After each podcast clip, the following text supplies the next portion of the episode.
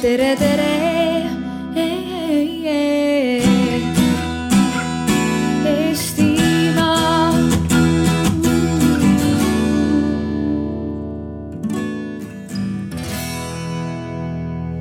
Aga tere õhtust kõigile, ilusat suveõhtut siin, et äh, tore, et äh, olete kõik äh, siia tulnud, et hoolimata sellest väikesest vihmahoost, et loodame, et äh,, et äh, enam paduvihma kätte ei jää.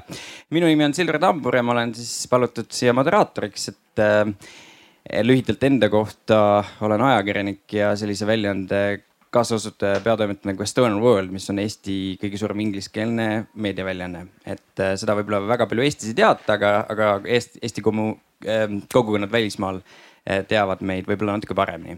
Ja ma olen ise lühidalt enda taustast, et äh, mina olen elanud äh, pikalt äh, välismaal Inglismaal väga pikalt, veidi ka Indias, veidi Sri Lankas, veidi Saksamaal. ja ütlen kohe ära, et mina ei ole nüüd otseselt ise kristlane, aga mind huvitab religioonide roll ühiskonnas ja ka erinevate religioonide nagu omavahel läbisaamine. ja mida mina olen nüüd oma noh, välismaal elamise ajal näinud, siis eriti Indias ja sellistes ühiskondades.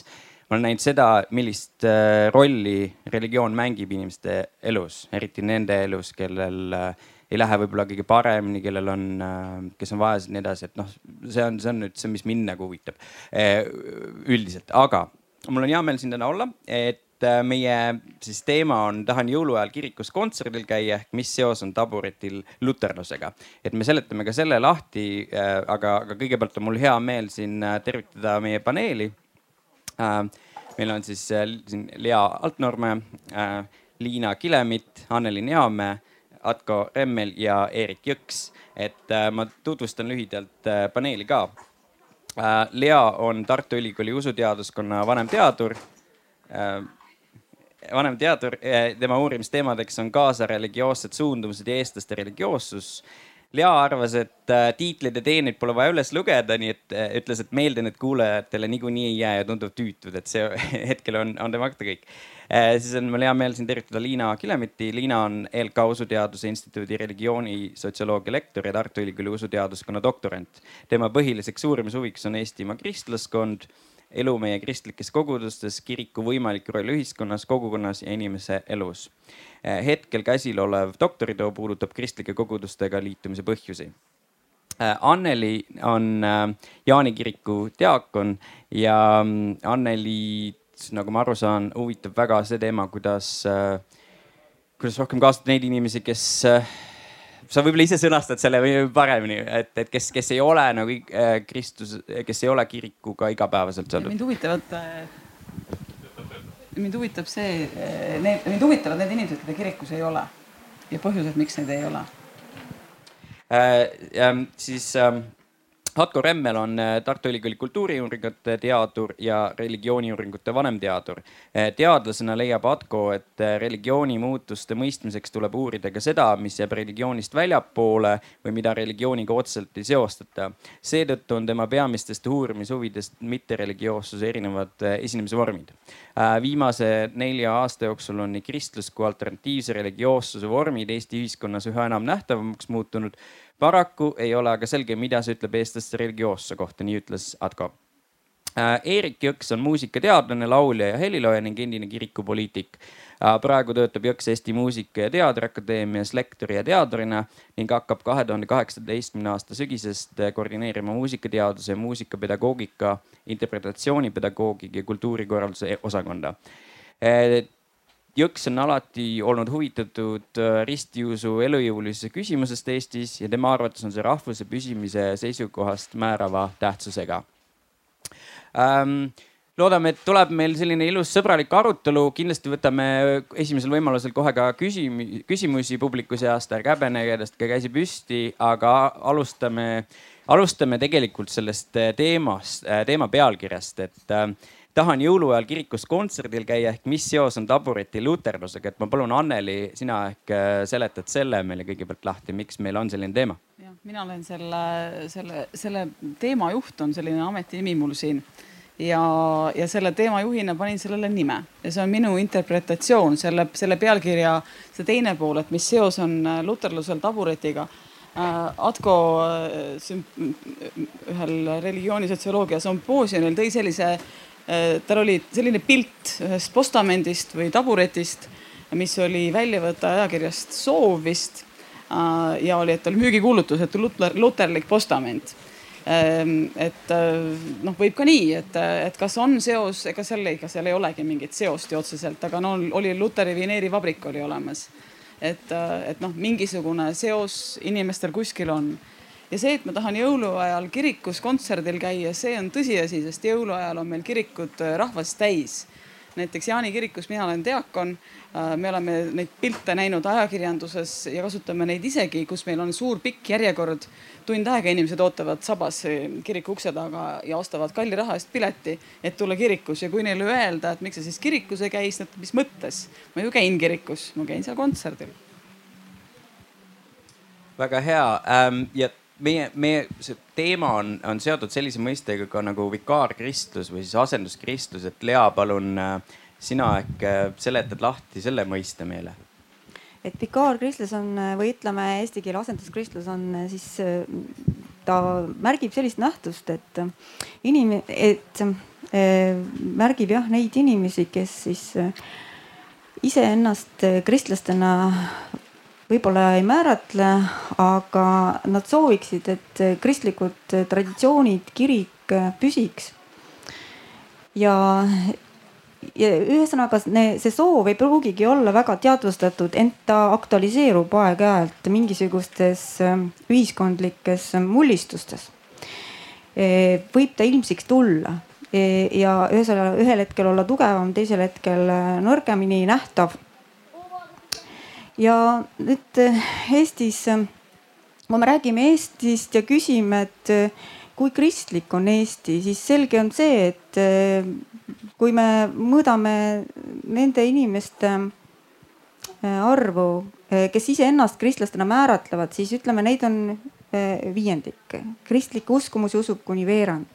aga kui küsida näiteks niimoodi või, või ütleme, väita näiteks nii, et ma soovin, et Euroopa kultuuriruum jääks eelkõige kristlikuks, siis selle väitega on päri ütleme ligikaudu kolmveerand eestlastest.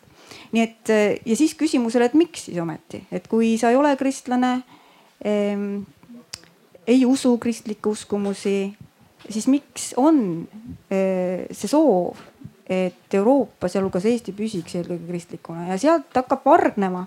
ja ega see ei ole ainult, ühesõnaga seal on ka see, et ütleme, et inimesed soovivad, et kiriku kombed jääksid selliseks, nagu nad on, traditsiooniliseks, et väärtused, et kirikud Äh, seisaksid traditsiooniliste väärtuste eest. Äh, samas äh, nad ise ei pruugi ütlema elada ei nende kommete, traditsioonidega, väärtuste järgi küll, aga nad soovivad, et keegi neid alal hoiaks.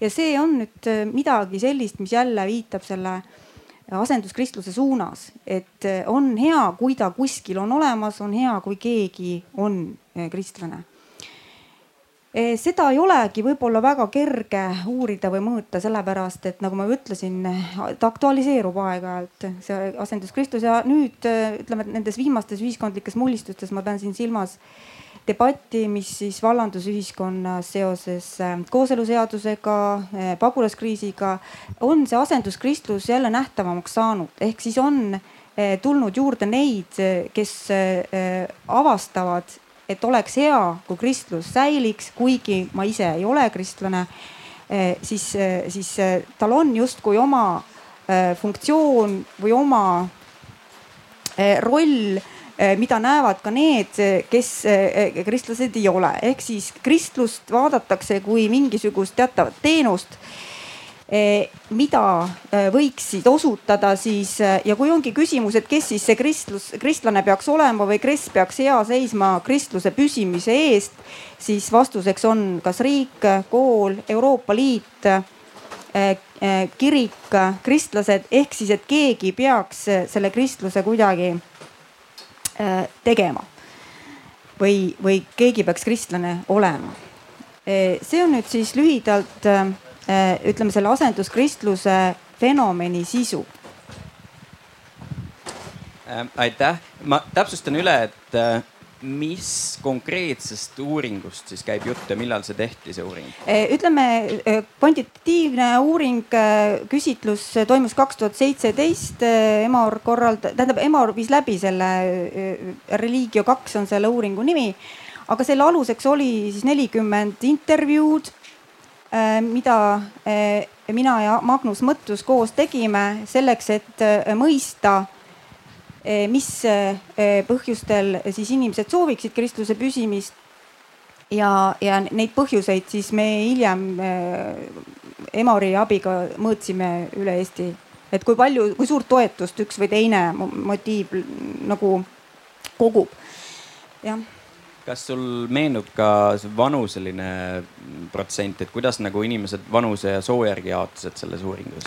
mul ei, mul ei ole meeles, et see oleks kuidagi väga-väga selliseid, muidugi nooremad on pooldavad liberaalseid väärtusi palju, palju rohkem kui, kui vanemad, aga, aga see ei ole selline, et, et need vahed oleksid olnud nii märkimisväärsed, et nad oleks kuidagi meelde jäänud. see, et see on suhteliselt ühtlaselt vanusegrupiti need, need protsendid jaotunud aga mida oli siis äh, faktoranalüüs andis äh, välja selle, et on kaks gruppi ühed on need, kes soovivad siis just nimelt, eks ole, jõulujumalateenistusel käia, nad soovivad neid äh, vanade traditsioonide jätkumist, ütleme elupöördeliste sündmuste tähistamisel, kas lapse sünd või, või abiellumise puhul või matust või noh, ütleme kellegi surma puhul matusetalitust kirikust.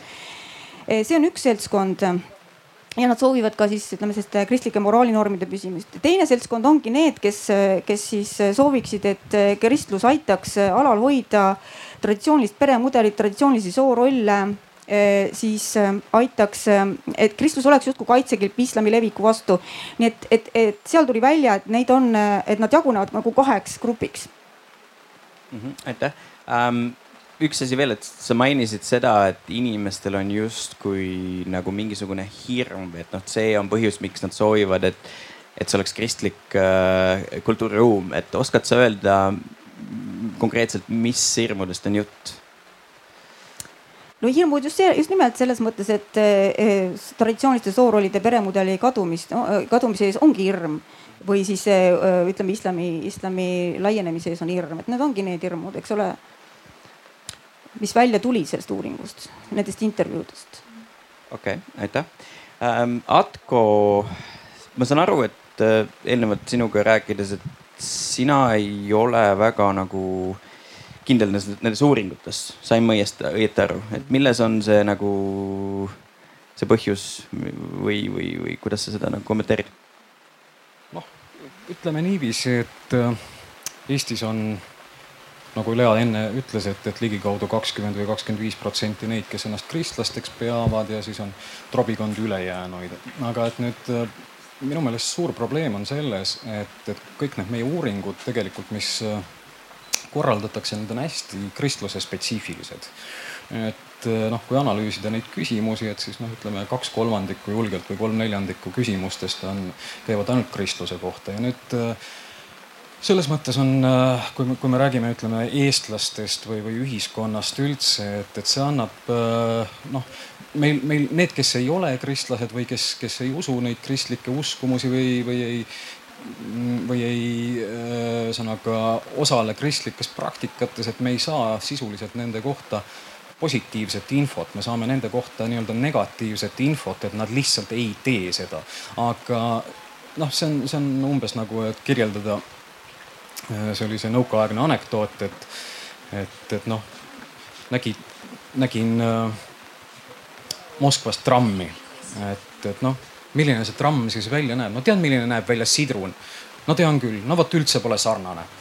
et, äh, et, et täpselt sama lugu on, et, et kui me püüame siis kirjeldada selliste kristlike tunnuste abil äh, Äh, seda ülejäänud ühiskonda, et, et siis me saamegi lihtsalt seda, et nad ei tee seda, nad ei tee teist, nad ei tee kolmandat, aga et mida nad tegelikult teevad, seda me lõppkokkuvõttes teada ei saagi, et noh, me ei, me ei saa näiteks teada seda, et, et, et see, miks nad äh, kirikusse ei lähe, on, on see, et, et neile pakub äh, rohkem huvi näiteks jalgpall.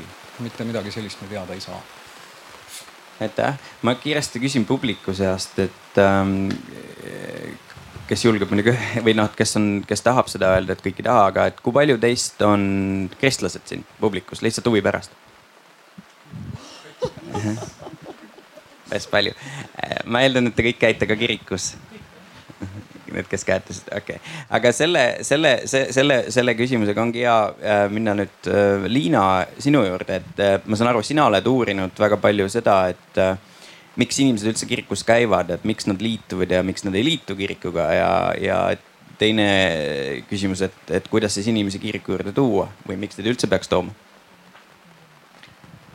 ja et ma arvan, et see, et äh, kuidas neid äh, kiriku juurde tuua ja mis neid sinna peaks tooma, et, et see võib-olla oleks selline teema, mida siin äh, nüüd tänase diskussiooni käigus oleks ka väga huvitav teiste kolleegidega arutada. Aga, aga põhjused, miks, mis neid nagu kiriku juurde toob või miks nad sinna satuvad, on, on väga erinevad et ma olen uurinud tõepoolest väga erinevaid trajektoore, kuidas, kuidas või teekondi, kuidas inimesed äh, kirikusse satuvad. Äh, eks see on kaasaja ühiskonnale ja kaasaja inimesele iseloomulik, et need võivad olla väga erinevad. Äh, variatiivsus ja see värvikirevus on väga suur. Aga, aga kui nüüd peamisi põhjusi nimetada, siis kirik pakub inimeste elus, noh, inimesed tunnevad, et see pakub neile nagu mõtestatust, see annab neile mingi teatud pinnajalge alla. et see aitab vastata eksistentsiaalsetele küsimustele nende elus. näiteks, et kes me oleme, kust me tuleme, mis on meie elu eesmärk, miks on olemas kannatused, mis saab meist peale surma ja nii edasi. Et see pakub sellist äh, turvatunnet, äh, teatud niisugust rahulolu äh, abikriisidega toimetulekul. Mm, usuline kuuluvus äh, kindlasti pakub inimestele identiteeti, pakub võimalust kellegi hulka kuuluda, leida nagu omasuguste inimeste seltskonda. siis mm, noh, põhiline, mis ma nagu kokkuvõtvalt tahaksin öelda, on see, et, et tänapäeva inimene ikkagi otsib kirikust sageli vastuseid mingisugustele oma keerulistele elulistele küsimustele või oma hingemuredele. et, et ta nagu tahab sealt abi saada ja kui ta seda abi ei saa, siis ta liigub edasi ja hakkab seda abi kusagilt mujalt otsima aga noh, neid põhjusi, miks ta kirikuga liitub, et neid on muidugi palju rohkem, et, et kõike ma nagu siin hetkel käsitleda ei jõua. aga oskad sa mainida ka neid põhjuseid, miks, miks nad ei liitu või noh, inimesed, kes võiks nagu liituda potentsiaalselt, aga et mis, mis neid nagu eemale hoiab või põletab? et kas seda see uuring äh, ka näitas? no siin on ka väga palju erinevaid põhjusi, et, et peamine põhjus on ikkagi see, et, et me oleme läbi elanud siin Nõukogude okupatsiooni ajal sellise suure öö, usulise kultuuri katkestuse. Et perekonniti ja, ja suguvõsad, sugu, suguvõsades on see noh, usuline kasvatus, usuliste teadmiste ja hariduse andmine katkenud. repressioonide hirmus vanemad ei julgenud oma lastele kirikust rääkida, nad ei julgenud lapsi kirikusse viia et see on kindlasti üks olulisi põhjusi, aga mitte ainukene, vaid, vaid, vaid ka kogu ülejäänud Euroopa on tegelikult liikunud sellise ilmalikustumise ja, ja, ja vähem, väiksema usklikkuse suunas. Ja nüüd, mis inimesi kirikusse tuu, tooks, et või, või miks nad ei tule sinna? no peamisi põhjusi on see, et, et, et kuna see usuline teadmine, haridus on kaotsi läinud, et, et nad tihtipeale nad ei saa aru sellest, millest kirikus räägitakse ja, ja kui neil on ka teadmisi selle kohta ja nad saavad sellest aru, et siis äh, nad mingil põhjusel tunnevad, et see ei kõneta neid. et, et kas see ei puuduta nende igapäevaelu probleeme, et see, see, see ei anna kinnitust sellele tundele, mis neil endal on. Äh, sellele tõlgendusele, mis neil on nagu maailma ja inimeste kohta aga noh, veel kord, et siin on palju erinevaid põhjusi ja ka erinevatel vanusegruppidel ja erinevatel rahvustel on erinevad põhjused kui, kuida-, kiiresti, kuidas need äh, jaotuvad siis, need erinevad, erinevate rahvusgruppide vahel? No ma võib-olla tooksin pigem näite nagu vanusegruppide kohta, et, et kõige suuremad probleemid ongi meil luterlikus kirikus noortega, et, et noored on hakanud kõrvale jääma ja, ja, ja noored eeldavad nagu omaealiste seltskonna olemasolu nad tulevad kirikusse ja kui nad näevad, et, et, et seal on äh, põhilised eakad inimesed ees, et siis see natukene nagu ehmatab neid ja, ja nad võib-olla ei, ei tunne ennast seal nii hästi, kui nad äh, tunneksid sellises koguduses, kus on ees nende vanused noored. Aga meil paljudes kogudustes ei ole nii palju noori, et neile seda omavanuste seltskonda pakkuda. aga, aga teismeline just äh, tahab ennast äh, samastada ja võrrelda endaealistega et äh, tema jaoks on see endaealiste seltskond on just eriti oluline. et, et see on välja tulnud nendest intervjuudest, mida mina olen noorte inimestega teinud. Atko? minu küsimus on see, et kui sa ütled, et, et sind huvitab see, et kuidas äh, inimesi rohkem kirikusse ligi tuua, et, et siis minu küsimus on see, et aga miks neid peaks üldse kirikusse tooma, et, et noh, sa kirjeldad, et neid huvitavad teised asjad, et, et miks neid peaks üldse kirik üldse huvitama, et kui nad saavad tegelikult oma elu ju kenasti ära elatud ka ilma kirikuta Nad lähevad noorte sekka, jah. ja loomulikult saavad, aga, aga noh, need uuringud ka, millest sina enne rääkisid, et osa nendest uuringutest äh, noh, sa ütlesid, et need on, eks ole, justkui kristluse poole kaldu. et tegelikult need uuringud ongi tehtud selle eesmärgiga, et me oleme uurinud ju kristlaskonda ja, ja, ja, ja soovinud ka üksiti siis teada saada, et miks inimesed ei tule kirikusse. et need ongi olnud. küsimus oli see, et miks nad üldse peaksid tulema et ja ma äh, muidugi äh, pean vastama äh, selle, miks peaks tulema inimesed kirikusse, sellepärast et kirikus me kuulutame evangeeliumi. kirikul on, on sõnum, mis, mida me ju usume, et see on tõde. Ja, ja nüüd ongi küsimus selles, et noh, kas me seda kuulutame, sest et mina leian, et see, see sõnum on vastupandamatu. aga kuidas me seda kuulutame, kas meist aru saadakse, on iseasi see, et äh, noori ei ole meil pühapäevastel teenistustel, on kurb tõsiasi, aga need noored ei ole ju kirikust tegelikult kuskile kadunud, nad ei ole seal, kus toimub see, see, see koosolemine sellisel traditsioonilisel viisil mida samas tegelikult Eesti rahvas tahab nagu väga alles hoida et väga-väga hinnatakse, et ärge, ärge pandagu pahaks, aga väga hinnatakse sellist klassikalist sellist kirikumuusikat, mis on võib-olla noorele inimesele natuke jääb kaugeks. mitte see, et halb oleks, aga me pakume kirikus teatud toodangut, teatud toodet, mida, mida võib-olla noor ei oska nagu, nagu vastu võtta. aga miks ta peaks tulema, on sellepärast, et ma võin öelda, ma olen vaimulik, Jeesus armastab neid. aitäh äh,. Eerik äh,, me rääkisime sellel sarnasel teemal ka sinuga ennem pikalt ja äh, raamat, mida, millega ma tutvusin, Kuhu lähed Maarjamaa, et seal sinu eessõnas sa tsiteerid äh, Meigo Remmelit, kes on öelnud, et tänapäeva inimene on harjunud oma elu ise kokku panema.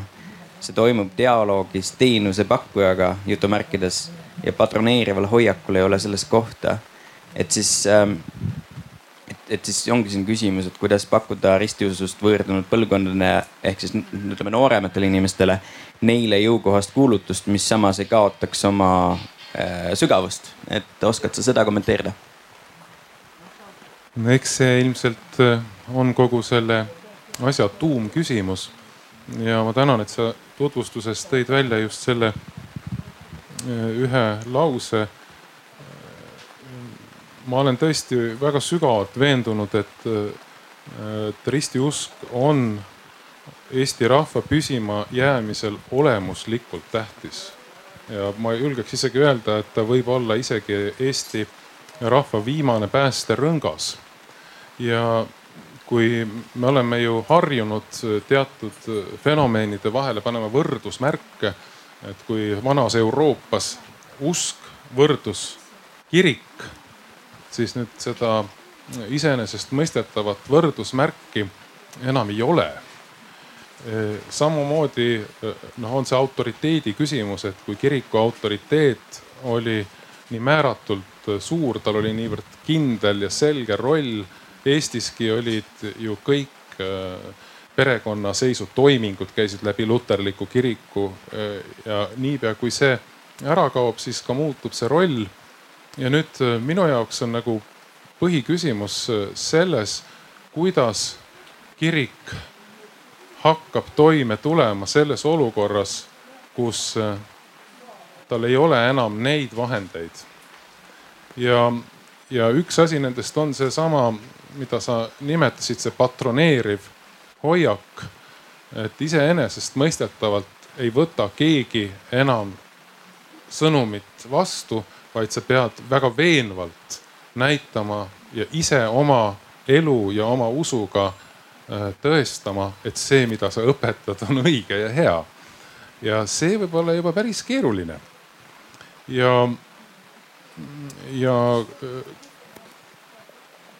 me ju teame, et, kirikul on alati olnud oma väga kindel taristu, oma kindel infrastruktuur, mille kaudu ta seda usku õpetab, mille kaudu ta seda levitab. on olemas koguduste võrgustik, on olemas hästi haritud vaimulikkond, on olemas väga head orelid, on olemas väga head organistid.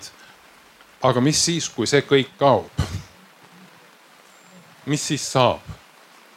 ja, ja ma olen, mina arvan, et ristiusk on nagu vesi, et ega tema kuskile ei kao, ta leiab ikka selle prao, kus ta nagu läbi imbub või läbi poeb.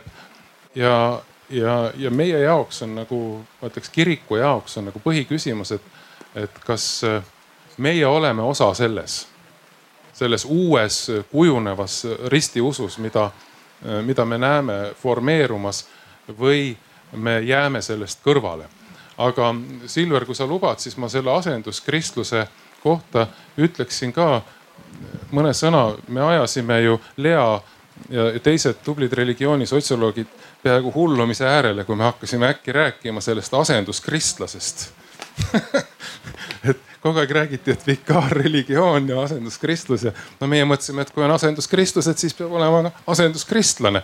ja siis tekkis suur segadus, sellepärast et et asenduskristlus räägib nüüd selles mõistes nagu Lea ütleb ju nendest inimestest, kes on väljas, eks ju.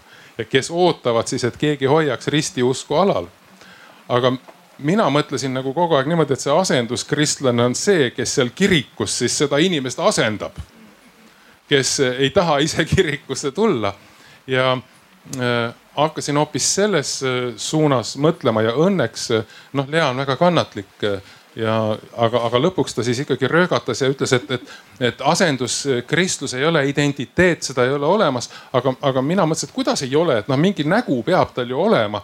ja siis ma sain äkki aru, et mina olen see asenduskristlane seal kirikus.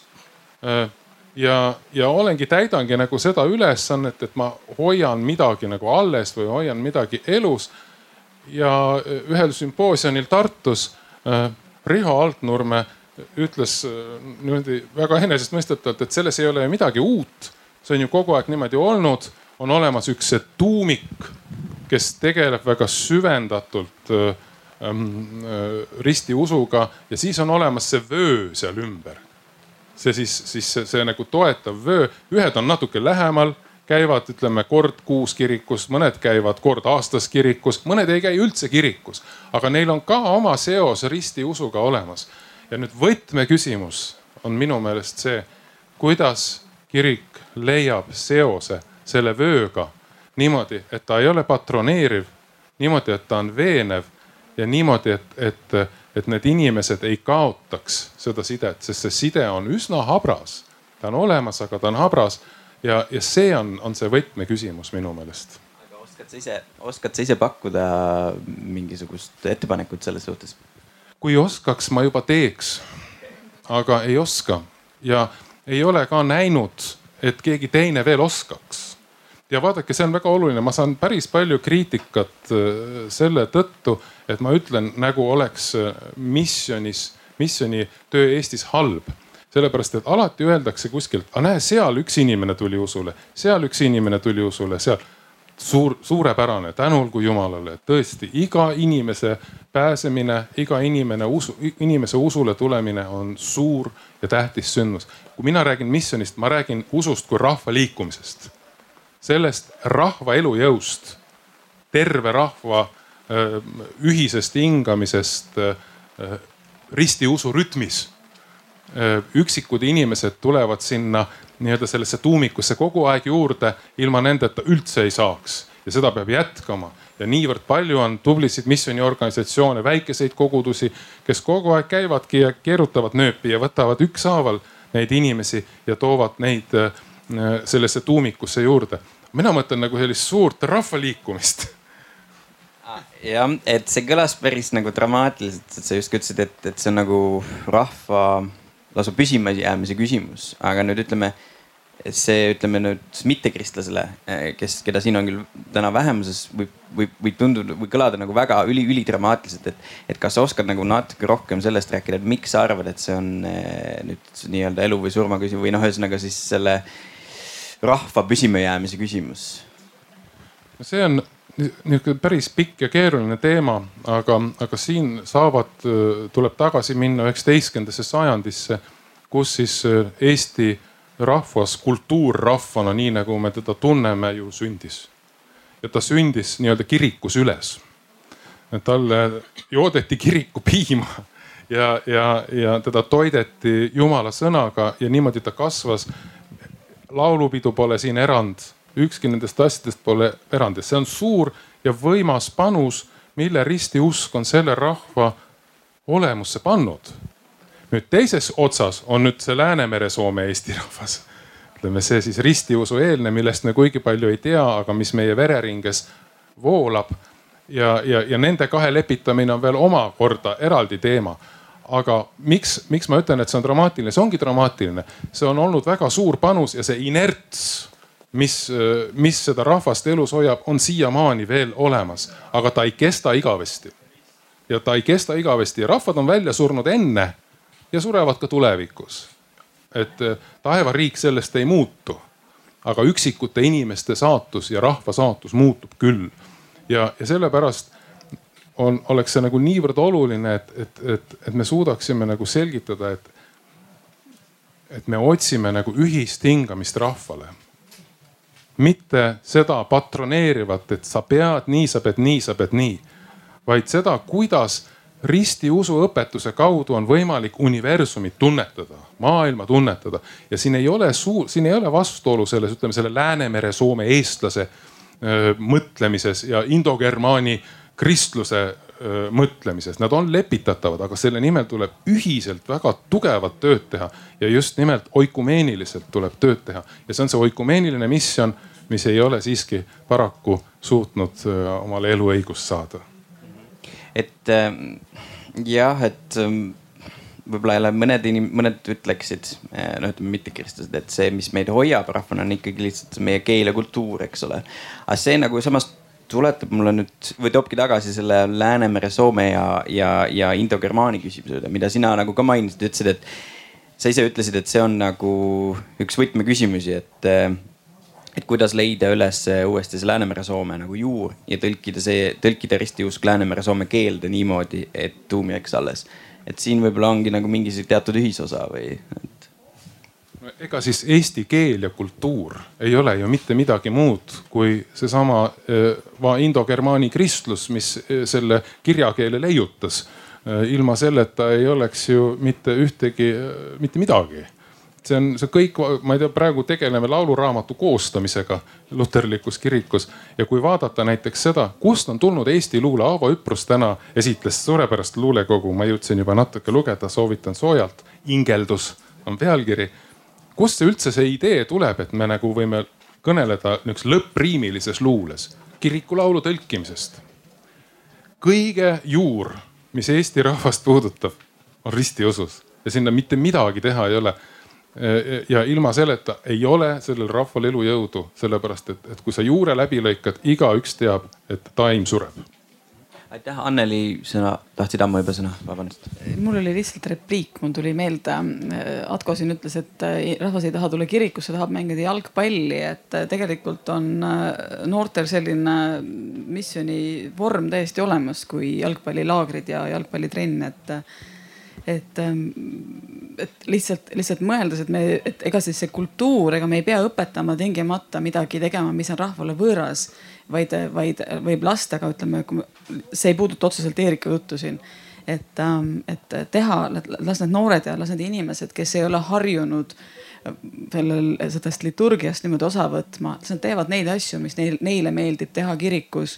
Nad õpivad omavahel üksteist tundma ja, ja ka siis seda kirikurahvast tundma, tekib usaldus ja siis saab juba edasi rääkida asju, millest, mis on keerulisemad võib-olla.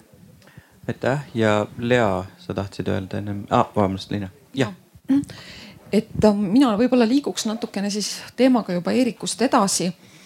Et mina arvan, et üks väga olulisi äh, küsimusi on ka identiteedi küsimus ehk siis selle tuginedes nüüd keeleteadlasele Martin Ehalale, et, et see kristlase või antud juhul luterlase identiteet peab olema ihaldusväärne, et see peab muutuma ihaldusväärseks.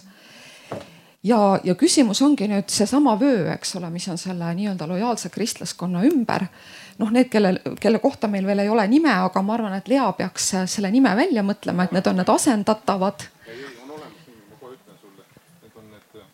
jah, et, et ühesõnaga, et, et, et kuidas me saame pakkuda neile mingit identiteeti, mis, mis hakkaks neid nagu omavahel siduma, hakkaks neid siduma kirikuga, et et ja, ja samas võib-olla esialgu jätaks neile sellise distantsi hoidmise võimaluse, et nad ei pea meil ju, me ei eelda või nad ei pea hakkama kohe käima iga püha, pühapäev kirikus. aga, aga miski peab neid omavahel siduma ja, ja, ja tulles nüüd selle rahvuse teema juurde, et nagu me teame, siis ilmalikustumine on olnud väiksem nendes maades, kus äh, kristlus on olnud seotud rahvusliku identiteediga. Ja, ja Eestis on selles mõttes nagu küsimus natukene halb, et, et, et meil ei ole nagu luterlus ja rahvuslik identiteet olnud nii tugevalt seotud. aga, aga, aga võib-olla see pole ka lootusetu, et, et võib-olla me peame selle üle mõtlema ja, ja me ei tea ju, mis sünnib tuleviku Euroopas, eks ole, kuidas meil kujunevad suhted islamiga. et, et võib-olla siin see identiteedi küsimus taas mingil hetkel jälle kerkib päevakorrale. Ja, ja, ja puudutab siis võib-olla just nende, nende asendatavate hinge, kellele Eerik nüüd kohe ütleb nime. see tuli seoses sellega välja just, et, et et asenduskristlus ei ole identiteeti, see oli vaja selgitada, see on kristluse eemalt vaatav poolehoidja. niisugune keeruline see, see ei ole minu, minu konstrueeritud, ei, ei. kindlasti mitte, minuga ei tasu siduda mina sümpatiseerijad on jah. ühesõnaga ja Eerik küsis, et ühesõnaga ma üritasin mitu-mitu korda seletada, et kõigepealt pakuti seda, et asenduskristlased on need siis, kes on natuke kristlased, need, kellele kristlus meeldib. ma ütlen, et ei, et see on absoluutselt vale, et nii ei saa üldse, üldse öelda. ma pidin pikalt siis vaidlema ja nii Eeriku kui äh, Einar Laignaga. ja siis äh, Eerik lõpuks küsis, et kes nad siis on need, keda meie tahame asenduskristlasteks nimetama, ütlesin, need on kristluse sümpatisandid, mis peale Eerikule see sõna üldse ei meeldinud, ütles, et see eh, siuksed sandid mulle ei meeldi, mina seda sõna kasutama ei hakka. mõtlesin, et no tore, ära siis kasuta. Aga hea küll, ühesõnaga asi on selles ka, et on, on, on väga, ütleme mingisugune hulk ja täitsa arvestatav hulk eestlasi, kes on, kelle, kellel on, ütleme kui me räägime eestlastest, siis pigem me peame ütlema, et eestlased on individuaalsel viisil religioossed. ja kui me hakkame seda individuaalset religioossust uurima, siis tuleb välja, et kristlust ei ole seal sugugi vähe, aga see kristlus ei ole eh, edasi antud või usutud või mõeldud kristlike mõistete kaudu. ja mil viisil see kristlus siis nii-öelda peidu vormis esineb või ütleme, kuidas ta seal peidus on selles individuaalses religioossuses, ta on, ütleme sihukese väga üldise uskumusena, et on keegi või on keegi, miski, mis eh, eh, selle uskuja eh, uskujat abistab, tema elu üle vaatab, et teda aitab häda korral, noh, ütleme siis hädast välja toob, mõistab õiglust. ja tihtipeale see keegi või miski seostatakse sellise armastava jõuga ja kui me vaatame, kust selline ettekujutus on tulnud siis eestlastele, mis on tegelikult üsna levinud noh ütleme, ligi pooled usuvad, et on keegi või miski, eh, mis, mis, kes eh, nende elus on kaitsvas või, või ütleme siis sellises eh, korraldavas funktsioonis. Siis eh, ega see üldine uskumus tuleb ikkagi kristlusest meie kultuuriruumis, ent ta on justkui kristlikust spetsiifikast tühjaks jooksnud või ütleme kristlikust tähendusest tühjaks jooksnud. ta on selline väga üldine uskumus, mis e-, eksisteerib siis igasuguste teiste, võib-olla mittekristlike uskumustega eh, koos, eh, ütleme mingisuguses sümbioosis. nii et kui me räägime kristlusest ja, ja kui kristlik on Eestimaa või kui kristlik on eestlane, siis kristlusel on oma varjatud, varjatud kohad, kus eh, esmapilgul ta üldse silma ei torka või, või, või tähelepanu ei ärata. aga kui me hakkame järele mõtlema, kust üks või teine asi on pärit, kasvõi selles samas individuaalses religioossuses, siis seal noh, kristlust ikkagi on veel omajagu alles. vabandust. nagu ma aru saan, sa oled uurinud ka seda, et ähm, venekeelse elanikkonna ei äh, ole. ei ole, vabandust, kas keegi on sellega kursis, et kuidas see mõjutab äh, ütleme siis noh, eestlaste kultuuriruumi? no nii palju et, muidugi, et, et, et kuna õigeusk on. ehk siis ma mõtlen Eest, Eestis elavaid venelasi. jah, et ütle, kuna õigeusk on rahvuslusega ja vene rahvuslusega tihedalt seotud, siis on selge see, et venelaste poolehoid kristlusel on suurem kui eestlaste poolehoid ja selle tõttu eh, on siis, eh, juhtus nõnda, et kaks tuhat üksteist eh, selgus, et õigeusklikke on Eestis rohkem kui luterlasi, eks ole, neid, kes, kes siis ennast õigeuslikuna nimetasid, identifitseerisid. ja, ja seetõttu ei ole, ütleme siis Eesti enam, ütleme krist-, kristlust silmas pidades Eesti mm, kõige suurem kristlik kogukond ei ole mitte luterlik, vaid õigeusu kogukond, eks ole, venekeelne õigeusu kogukond ja e, ja see on siis see kindel vahe, aga ütleme, kui me räägime, vaatame muid uskumusi, eestlaste, vene, võrdleme eestlasi, venelasi, siis seal ei ole väga suurt vahet midagi mm. -hmm. hea küll ähm,. lubage mul natukene provotseerida, et ähm, räägime natuke, Atko, sina kirjutasid tegelikult selles samas raamatus ka mittereligioossusest ja seal oli veel selline asi nagu individualiseerimisteooria, et kas me, selline küsimus, et kas äh, kas on üldse võimalik, et näiteks, et, et, et tulevikus, et on selline ühiskond, kus ei olegi religiooni, et. jah, me, me ennem siia tulles paari sõbraga rääkisime sellest ja nemad kujutasid, noored inimesed ja siis nad kujutasid sellist ühiskonda, tulevikuühiskonda ette, kus, kus ongi üks religioon. et ma arvan, et see, me räägime vaata nendest religioonide vastandamistest siin, et kas selline asi on, on üldse võimalik, mis sa arvad? Noh, ma arvan, et äh, me mõtleme üldse valesti selle koha pealt. see mõiste religioon on nii kohutavalt problemaatiline.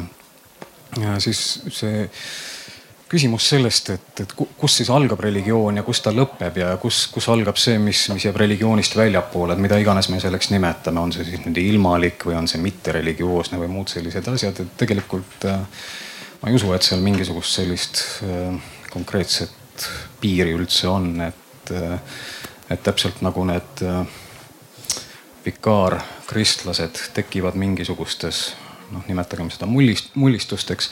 et ühesõnaga Eesti, Eesti kontekstis võib-olla kirjeldab seda hästi elavalt äh, see Juhan Liivi lugu Peipsi peal, kus, kus suures hädas inimesed lubavad äh, lühtri ja, ja pärast heal juhul panevad küünla. et ühesõnaga selles mõttes me võime öelda, et, et religioon on situatiivne. et, et ta ei, ta ei ole mingisugune selline kandev, mis mõjutab kogu aeg läbi elu. et inimeste praktikad, nende uskumused, identiteedid, need ei, need ei ole äh, koherentsed, nad ei, nad ei käi kokku ja nad ei peagi käima kokku. ja, ja selles mõttes noh, kui rääkida nüüd tänapäeva religiooni äh, teaduses äh, olevatest suundumustest, siis üha enam ja enam äh, see religiooni mõiste saab kriitikat ja pakutakse välja äh, uusi mooduseid, kuidas sellest mõelda. noh, üks variant on näiteks rääkida maailmavaadetest, teine võimalus on näiteks rääkida eksistentsiaalsetest kultuuridest. nii et kui me hakkame nüüd küsima, et, et mismoodi, kas, kas on võimalik mingisugune äh, ühiskond, kus ei ole religiooni, noh Eestis on kombeks tänu meie äh, sellele Äh, protestantlikule taustale mõelda religioonist alati läbi uskumuste ja, ja siis indikaatoriks on see, et kas inimene usub millessegi teispoolsusesse. ma arvan, et selline ühiskond, kus ei usuta millessegi teispoolsesse, on täiesti võimalik nüüd, kui me küsime selle järgi, et, et kas on võimalik mingisugune ühiskond, kus puuduvad religiooni funktsioonid või, või noh, need, need funktsioonid, mis, mida kannab muuhulgas ka religioon, aga ka, ka ütleme, mingisugused, ütleme kunstlikult loodud ideoloogiad. et siis ma arvan, et, et see sellist ühiskonda väga suure tõenäosusega ei saa olla. nii et, et küsimus või vastus küsimusele, et on, et kas on võimalik religioonivaba ühiskond, on see, et sõltub sellest, mida me peame religiooniks aitäh ähm,. võtame, kui publiku seas on küsimusi, tõstke käsi, kellel on. jah, ma ulatan mingi tegelikult mul ei olegi küsimus, mul on võib-olla täpsustus ja äh, nüüd äh, Lea Altnurmele ehk siis rahvaloendus mitte ei toonud välja selle, et venekeelsed õigeusklikud on enamuses, vaid et õigeusklikud on enamuses ehk siis äh, kui äh, äh, see puudutab ju, ju, ju mind selgelt kirikujuhina, et kui me räägime luteri kirikust või õigeusu kirikust, siis rahvaloendus ei andnud meile vastust, et Moskva patriarhaadile alluv õigeusu kirik on täna suurem kui luteri kirik, vaid ta andis konfessionaalselt sõnumi, et õigeusklikke on rohkem, aga meil on täna õigeusklikke mitmesse kirikusse kuuluvana. ehk siis lihtsalt täpsustus, mulle tundus, et et te ütlesite, et, et venekeelne õigeusklik inimene on täna enamuses Eestis võrreldes luteri kirikuga, aga see ei ole vist päris nii. ma kommenteeriks seda nõnda, et, et eesti, eesti keelt kõnelevad õigeusklikke on õig, õigeusklike seas noh, üsna noh, ta on vähemuses, eks ole jah, seda küll äh,, aga neid saab muul moel üles lugeda. ja, ja ühesõnaga, et selle tõttu saab siis öelda, et see mm, suurim krist, kristlik kogukond on ikkagi venekeelne Eestis. Atko ah.. keegi soovib veel esitada küsimuse? jah, palun tutvustage ka ennast lühidalt. aitäh, Endel Kask, Koeru uus kogudus Äh, ma olen nüüd äh, tähelepanelikult kuulanud seda vestlust ja see sõna asenduskristlus ei taha mulle kuidagi selgeks saada. mina ei asenda ikka mitte kedagi. Äh, kui ma olen kristlane, siis ma olen kristlane ja kui ma ei ole, siis ma ei ole. aga kui võib-olla kusagil mujal on asenduskristlus olemas, siis olgu, ega seda ei maksa ka maha teha. ja sellele tuleb ka ikkagi tähelepanu pöörata. Äh, nüüd äh, on äh, üks küsimus või mitte küsimus, vaid situatsioon tekkinud, et, et kuidas siis on selle kristlusega, et ta kipub hääbuma. ja siin on üks kindel põhjus, nimelt see, kui ma meenutan nüüd viiekümnendaid, kus ma siis isa käe kõrval käisin kirikus palvelas või nüüd äh, kahekümne esimest sajandit, kus ma iseseisev juba olen, äh, siis üks ja sama punane joon läbib. Meil on kohati mm, käest ära läinud või sassi läinud lunastuse küsimus. kui lunastuse küsimus jääb õigele kohale ja läbi selle on võimalik siis ka kõik muud probleemid lahendada ja mm, küllap nad ka lahendatud saavad Äh, nii et see on ikkagi praegu kristluse alus, et meil on olemas lunastus. aitäh teile.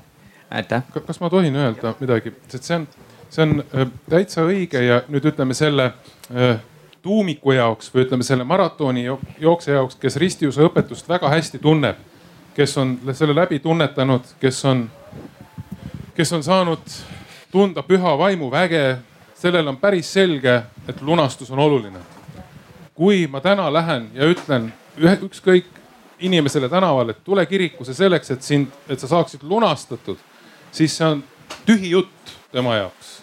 see ei, see ei tähenda praktiliselt mitte midagi. millest mind on vaja lunastada, küsib ta. sa ütled, no patust, aga pole nagu teinud midagi õieti. eks ju. ja nüüd hakka siis talle seletama sealsamas, et lunastus, patt, kõik need asjad, see ei, sellega ei, ei jõua kaugele, see on ikkagi selle tuumiku, selle, selle väikese osa ja, ja ma arvan, et, et sina oled ikkagi ka asenduskristlane, sa ju palvetad selle rahva eest. eks ju, sa hoiad oma palvejõuga seda rahvast äh, selles, selle kiriku küljes kinni ja selle kristlaskonna küljes kinni. nii et, nii et see ongi seesama üks asendamise roll kuni niikaua kui aeg püsib, eks ole, et, et, et kuni nad tulevad, siis tõe tunnetamiseni tuleb neid hoida. ja, ja, ja sellepärast ma küsin, miks seda religiooni siis vaja on, et see on see see, see, see hoopiski see küsimus ja, ja vastus võiks, võiks no ütleme Läänemere soomlasele olla selline, et, et, et selle kaudu või siis ütleme selle ristiusu kaudu sa saad tunnetada seda universumit. sa saad tunnetada kõike loodut, kõike nähtavat, kõige nähtamatut ja mis kõige tähtsam, sa saad seda tunnetada ja siis oma lastele õpetada, kuidas tunnetada sellepärast et see ei ole ju välistatud, et inimene elu jooksul näeb kõvasti vaeva ja õpibki selle tunnetamise, aga ta ei suuda kunagi luua doktriini, ta ei suuda seda kunagi sõnastada ega oma lastele edasi anda. ta jätab oma lapsed usuliselt vaeslasteks ja sellepärast ongi tarvis nagu seda sellepärast ongi ristiusk niivõrd hea ja käepärane, et ta on olemas, aga ta tuleb lihtsalt sellesse Läänemere soome keelde tõlkida. paljud on proovinud, proovis Uku Masing, proovis, proovis Evald Saag, praegu proovib Eeno Kaamer, aga veel ei ole, ei ole saadud pihta, veel ei ole saadud pihta. Anneli? ma tahaks natukene lihtsamaks selle teemaga. See, selle meie selle jutu, see üks pealkirja, see alguspool on, et ma tahan jõuluaja kirikus kontserdil käia ja, ja Eerik on selles süüdi, et ma seda juttu siin ajan muidugi, sest et äh, temaga koos me käisime mööda Eestit ringi ja uurisime sedasama asja, et mis asi see asenduskristlus siis on ja kas on olemas asenduskristlane. Äh, ja nagu ma ise ütlesin, et mind huvitab see rahvas, kes kirikus ei käi, et miks nad seal ei ole praegu ma töötan ka konsistooriumis, ma olen selline asjapulk nagu projektihaldur ja, ja see, need projektid, mida ma seal haldan on sellise nime all nagu kiriku kasvukava.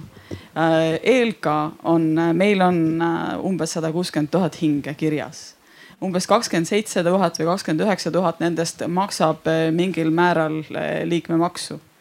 Umbes viis tuhat, Urmas võib parandada mind, või seitse tuhat on aktiivseid liikmeid, kes, kellest me isegi võib-olla kuskil teame nimepidi, kes nad on, mida nad tea, teevad. vabatahtlikud vabatahtlikud, nii äh,. ma olen parandatud, aga äh, ikkagi neid on vähe, et ähm, et ähm, aga samas, kui me räägime inimestega, kui ma räägin oma naabritega, kellest enamus ei ole, ei liigita ennast kristlastena, äh,, siis ta noh, ta ütleb, ma käin küll kirikus jõuluajal jumalateenistust vaatamas. mul ei ole midagi naerda, sest et ta käibki, see ongi tema pühaduse kogemus ja, ja sellepärast ähm, peakski nagu mõtlema seda, et, et, et mida me siis üritame neile õpetada, et ma, ma nagu sellega küll jälle nõus, päris nõus ei saa olla, et religioon, religiooni nagu, et, et see kuidagi ära kaoks, et ta mingisugusel kujul ta tõenäoliselt ikkagi on olemas. aga kui me räägime nüüd kirikust äh, siis, äh, siis Eesti, minul on ikkagi selline arusaamine nüüd ikkagi olemas, et Eesti rahval on ikkagi ootus, et see kirik jääks alles, sest et ta tahab sinna jõuluajal sinna kontserdile minna. nüüd, äh, aga nüüd, mis ootus on kirikul? Äh, me võtame kõik vastu, ma teen praegu kokkuvõtteid sellest, et kui palju meil näiteks on Eesti kirikutes suvel kontserte, kes neid korraldavad, mis kontserdid on, kes on esinejad, kui palju käib kuulajaid. ja mul ei ole neid tulemusi veel, aga küll ma need saan. Ja, ja see ja kui mõtleme, et missugused festivalid meil siin on ja, ja on, on olnud ja praegu, praegu just toimuvad et need, need, need arvud on suured ja need, need inimesed, kes tulevad nendesse ilusatesse kontsert, kirikutesse kontserditele. Eh, nad tulevad kirikusse, aga nad tegelikult eh, no hea küll, nad ostavad pileti. aga, aga kui palju nad panustavad selle kiriku ellu eh, või selle, selle, et okei okay,, panustame kirikusse, hoonesse aga et üks kirik püsiks nagu sellise elava kooslusena, selleks peab seal olema kogudus ma elan Viimsis, meil on seal üks kinnisvaraomanik, kes järjest on võtnud kinnisvaraasutuste käest ära, võttis lasteaia ära, võttis kooli ära. E, ja kui seal seda asutust sees enam ei ole, siis need hooned lagunevad. Ähm, e, kas ma eksin, kui ma ütlen, et, et kirikute ülevalpidamine ei ole meil koguduste põhikirjaline tegevus? ma väidan, niimoodi ma väidan ja see ei ole. just, aga, aga ometigi seda meilt oodata, oodatakse. et miks te siis lasete laguneda ja nii edasi et äh, aga, aga ega siis kirikutel otseselt ega kogudustel ei ole vaja seda kallist, äh, kallist kinnisvara üleval pidada. et miks meil on selle vaja, et rahvas tuleks kirikusse, on ka see, et nad aitaksid neid, neid hooneid üleval pidada, mis on oluline äh, meie kultuuri püsimajäämisega selline alustala. aitäh, Atko. Ma tahtsin öelda seda, et kui me, noh, see põhineb siis nüüd ütleme minu intervjuudel äh, mittereligioossete eestlastega, et äh, noh, sa kirjeldad siin seda, kuidas, kuidas inimesed äh, käivad jõuluajal kirikus. see oli hästi vahva, kuidas sa seda ütlesid, mitte et nad osaleksid jumalateenistusel, vaid nad käivad seda vaatamas. Ja ma arvan, et, et selles, selles ongi see nõks, et see, mida teie eeldate, et inimesed teevad kirikus, on nende jaoks hoopis midagi täiesti erinevat. Üks äh, näide, umbes viiekümne aastane äh,, kes identifitseeris ennast ise ateistina. Ja noh, räägib, vestleme temaga tubli tunnikese ja siis ta räägib seal, et, et kuidas ta väga armastab. äh, kirikutes käia siis, kui ta välismaal äh, mm, äh, reisib. ja, noh, mina muidugi provokatiivselt selle peale küsin, et, et noh, et aga sa oled ju äh, ateist, et, et no mis sa sinna kirikusse ronid üldse. ja tema selle peale vastab mulle, et aga ega see ei ole religioosne huvi, see on kultuuriline huvi. ja nüüd täpselt sama asi, sel, mis, mis oli selle luterliku taburetiga. Tema jaoks äh, kirik ei ole mitte mingisugusel moel püha ruum. see on tema jaoks midagi sarnast nagu muuseum Äh, sisuliselt tähendab seda, et kui ta ütleb, et see ei ole religioosne huvi, vaid see on kultuuriline huvi, siis sisuliselt tähendab see seda, et kultuur on tema jaoks lahutatud religioonist. Eesti kultuur on tema jaoks juba ilma religioonita, seal ei ole mingisugust seost selle tüübi jaoks. No vot ja, ja nüüd, kui, kui teie eeldate seda, et inimene tuleb äh, kirikusse, et siis tal peaks just nagu olema seal mingisugune religioosne konnotatsioon, ei ole. see tähendab sisuliselt seda, et see ruum, mida teie käsitlete püharuumina on tem-, nende jaoks hoopis midagi muud ja see on seesama, et, et meil on kultuurielemendid, mida traditsiooniliselt on peetud religioosseteks või kristlikeks, aga mis on sellest äh, kristlikust sisust juba ammu tühjaks jooksnud. vot seesama luterluse asi, et ühesõnaga kõik hakkasid siin naerma, kui räägiti sellest luterlikust äh, taburetist, aga tegelikult see näitab tegelikult seda, et selle inimese jaoks sõna luterlus ei tähenda enam mitte midagi. et äh, ta noh, kuna, kuna see oli luterlik äh, või noh, luteri vabrikus tehtud taburet, siis ta ütles selle kohta luterlik ja sinnapaika see jäi, ilma et ta oleks vähimalgi määral mõelnud, mida luterlus tegelikult tähendab, nii et et mul on tunne, et, et me oleme juba mingisuguse sellise kultuurimuutuse maha maganud ja ma ei tea, kas siin annab üldse midagi enam teha või mitte.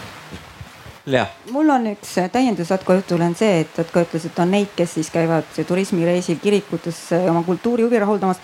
kindlasti neid on, eh, aga on ka küllalt neid, kes käivad kirikus mitte siis üksnes ütleme turistidena, vaid ka Eestis. Eh, ühesõnaga, kui küsiti, oli sihuke väide, et ma sooviksin käia kirikus siis, kui seal parasjagu jumalateenistust ei toimu, siis neid oli eestlaste seas ligi pool.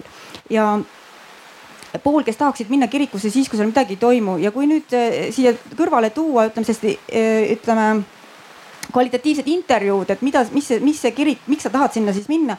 see on ikkagi osade inimeste jaoks on kirik endiselt püha ruum kuigi nad ei ole kristlased ja neid see kristlik sisu ei huvita, siis kirikut tajutakse püha ruumina ikkagi. Ja küllap on ka neid, kes ei taju seda püha ruumina, vaid ütleme kultuuri kultuuriobjektina, nii et need, need ütleme igasuguseid inimesi on ja igasuguse suht, suhtumisega ja suhtega kirikusse on, nii et ütleme me päris ei saa noh just nimelt nagu sa ise ütlesid, eks ole, et me, me, me ka nii-öelda neid, neid mittekristlasi ei saa panna kõiki ühte patta, vaid et ka see on kirju kamp, kellel on see suhtumine kristlusesse erinev.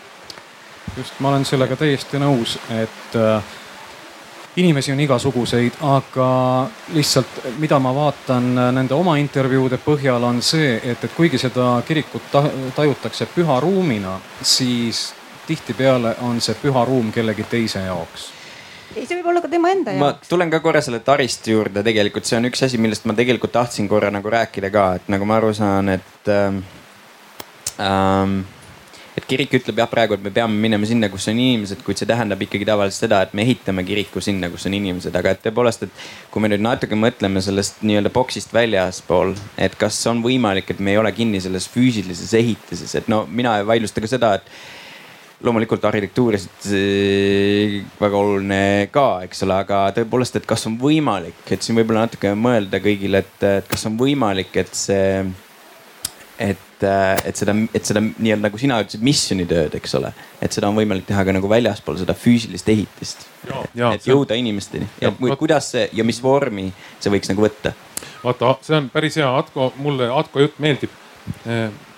muide, võiks küsida, et kas kultuurihuvi võib ka öö, olla seotud öö, religioossusega päris kindlasti, sellepärast et kui me nüüd ütleme, vaatame kiriku seisukohast ja vaatame niimoodi öelda teoloogi seisukohast ja küsime, et kas Jumal võib inimest kõnetada kultuuri kaudu, siis vastus on, et muidugi võib. ja, ja, ja probleem on lihtsalt selles, et meie ütleme, et religioosne ruum on selline ja ta on selline ja ristiusk on selline ja ta on selline ja me oleme loonud niisuguse väga keerulise taristu. ja vaat see on see on niivõrd huvitav, et, et siis, kui tekkisid evangelikaalsed liikumised, kui tekkis baptism, kui, kui tekkisid kõik, nad kõik algasid ju sellest pihta, et lihtsustame selle asja ära. teeme selle asja lihtsaks, nii et kõik saavad aru. ja vaadake nüüd, ta on jõudnud, ta on ennast jälle keeruliseks mõelnud. Ja kõik see käib niimoodi mööda ratast, et, et, et kui, kui ükstapuha, kui, kui sa tahadki asja lihtsaks teha, kohe sa lood doktriini ja, ja kohe muutub see taristu keeruliseks. ja olgu minu poolest, mulle meeldivad keerulised asjad. ma olen ikkagi ka teadlane ja mulle meeldivad ka keerulised tehted. aga see ei ole nagu suure rahva küsimus. see ongi ühe väikse osa küsimus, kes saab nendest keerulistest asjadest aru, aga on vaja seda nagu seda suurt, laia sellist, seda kepikõnni kristlust nii-öelda. et, et, et, et ära seletada, et vaata, see on see, see, see, see lihtsad asjad ja lahus kõigest sellest keerulisest taristust. vaadake Püha Franciscust, äh, tema äh, kaaslase äh, ja, ja kaasamõtleja Püha Clara mälestuspäev on homme muide. et Püha Franciscus toetus kirikule väga tugevalt, ta oli tugevalt, tugevalt ja ühel hetkel ta sai aru, et kirik on hakanud teda takistama oma taristuga ja lõpuks neelaski kiriku taristu Franciscuse alla ja, ja, ja tegi temast, eks ole, selle, keda tema tahtis oma taristus näha. Franciscus ei jaksanud enam vastu hakata lihtsalt. et, et see on, see kõik on nii inimloomusele omane, see on seaduspärane. meie peame nüüd lihtsalt praegu tegema nagu ütleme selle, see, see kiik käib niimoodi, et me oleme jõudnud siia, me peame nüüd sinna üle võlli saama. Et, et saaksime nagu jälle selle lihtsustuse teha. kristlus tõlkida läänemere soome keelde kuuenda klassi lapse tasemel, lihtsate lausetega. Liina. ja ütleks lihtsalt väikese lühikese repliigi veel Atko jutu juurde, et, et jah, see religioossuse teema on selles mõttes võib osutuda mingil hetkel väga keeruliseks, et, et ilmselt vaimulikud teavad ja, ja mina kogesin seda intervjuude käigus et on selliseid inimesi, kes, kes ühel hetkel liituvad kirikuga, kuigi nad ei ole kunagi kirikus käinud, nad võib-olla ei ole isegi käinud seal seda püha ruumi tunnetamas. ja äkki ta tuleb kirikusse ja siis me küsime, et, et, et miks sa seda siis nüüd tegid või, aga ma tahan saada kristlikult maetud. Ja, ja, ja, ja tekibki küsimus, et mis see siis nüüd on. Või tahab ta näiteks oma last ristida, kuigi tal eelnevalt ähm, side kirikuga on puudunud et ta tunneb, et ta laps saaks nagu sellega mingisuguse kaitse. et see on teatud selline võib-olla maagiline, natukene selline individuaalne religioossus, aga võib-olla siin ikkagi on ka mingisugune nii-öelda peidukristlus kusagil mm. -hmm. et, et see laieneb ka sellele püha ruumi teemale tegelikult mm. -hmm aga tagasi juurde tulles selle küsimuse juurde, et mis sina arvad, et noh, kui sa oled ka uurinud, et miks inimesed tulevad kirikusse, et kas, aga kas on võimalik nii, et see kristluse sõnum jõuab inimesteni väljaspool kirikut, väljaspool seda taristut, millest me räägime ja mis see võiks olla, et noh, okei ma suvalise näite, et no kahekümne aastased äh, elavad sotsiaalmeedias näiteks, et kas see, kas see peaks olema näiteks rohkem sellises vormis näiteks? no teadlased ongi ju tegelikult ka noh sõnastanud kohe ühe sellise pöörduja ja usulise pöörduja ja liituja tüübi nagu intellektuaalne tüüp. ja, ja mina olen selliste inimestega ka intervjuusid teinud. Et nende see teekond kirikusse on vahel kestnud aastakümneid. et need on sellised äh, võib-olla noh intellektuaalselt otsivamad inimesed, kes, kes on lugenud väga palju filosoofiat, ajalugu, tutvunud erinevate maailmavaadetega ja, ja jõudnud siis kristluseni lõpuks just äh, mingisuguste teiste maailmavaadete või siis mingisuguste kirjanike, filosoofide, psühholoogide kaudu. et selliseid inimesi on piisavalt ja see, see ei ole üldse väga harva esinev. aitäh, äh, publiku seast on küsimusi? jah, ma olen mikrofoniga. palun äh, katsuge siis võimalikult konkreetselt ja lühidalt. aitäh, härra Ivo Kiise küsimus Atkole selle koha pealt, et kui religioon või usk ei ole enam kultuuri osa, kas siin on tegemist siis puudujäägiga hariduses äkki või? või on see täiesti loomulik nähtus, et see ei ole see? ma arvan, et, et siin ei ole noh, hari, haridus kindlasti pigem kui, kui nüüd rääkida sotsioloogia terminites, et siis on, kasutatakse sellist terminit nagu religiooni või usku sotsialiseerimine, kus siis vanematelt või, või ka vanavanematelt tihtipeale antakse edasi mm, ütleme selliseid kultuurilisi väärtusi, kuhu hulka kuuluvad ka siis uh, usulised väärtused ja, ja noh, Eestis on just midagi sellist juhtunud. ütleme see nõukogude periood, kui kaks äh, põlvkonda sisuliselt äh, jäid religiooni sotsialiseerimata ja ega pärast äh, taasiseseisvumist see asi ei ole nagu oluliselt muutunud ka. nii et selles mõttes, kui me, kui me vaatame nüüd konkreetselt kristluse tulevikku äh, Eestis siis on väga vähe tõenäoline, et need inimesed, kellel juba praegu puuduvad äh, identiteedid, praktikad ja uskumused, neid kuidagi edasi ise annaksid. et see on puhas statistika, siin ei ole mitte midagi muud äh,. aitäh, keegi soovib lisada, lisada äh,? jah äh..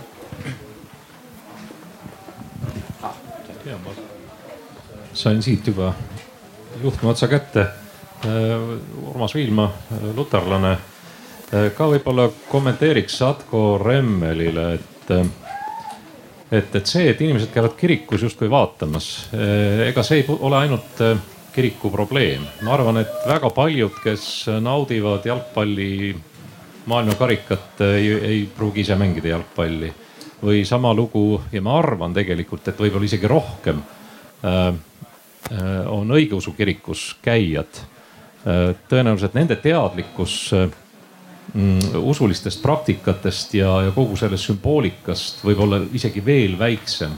Äh, sest äh, õigeusu kiriku liikmeks olemine tegelikult ei eelda äh, väga teadlik olemist kogu õpetuse sisust, vaid see on osa, kui me eriti räägime Eesti kontekstis ka võib-olla meie venekeelsest elanikkonnast see on osa nende, nende rahvuslikust identiteedist, see on nagu jaanipäeva pidamine, et kui palju meist tegelikult äh, peab seda jaanipäeva nii-öelda traditsioonilises vormis, aga me siiski jaanitult teeme.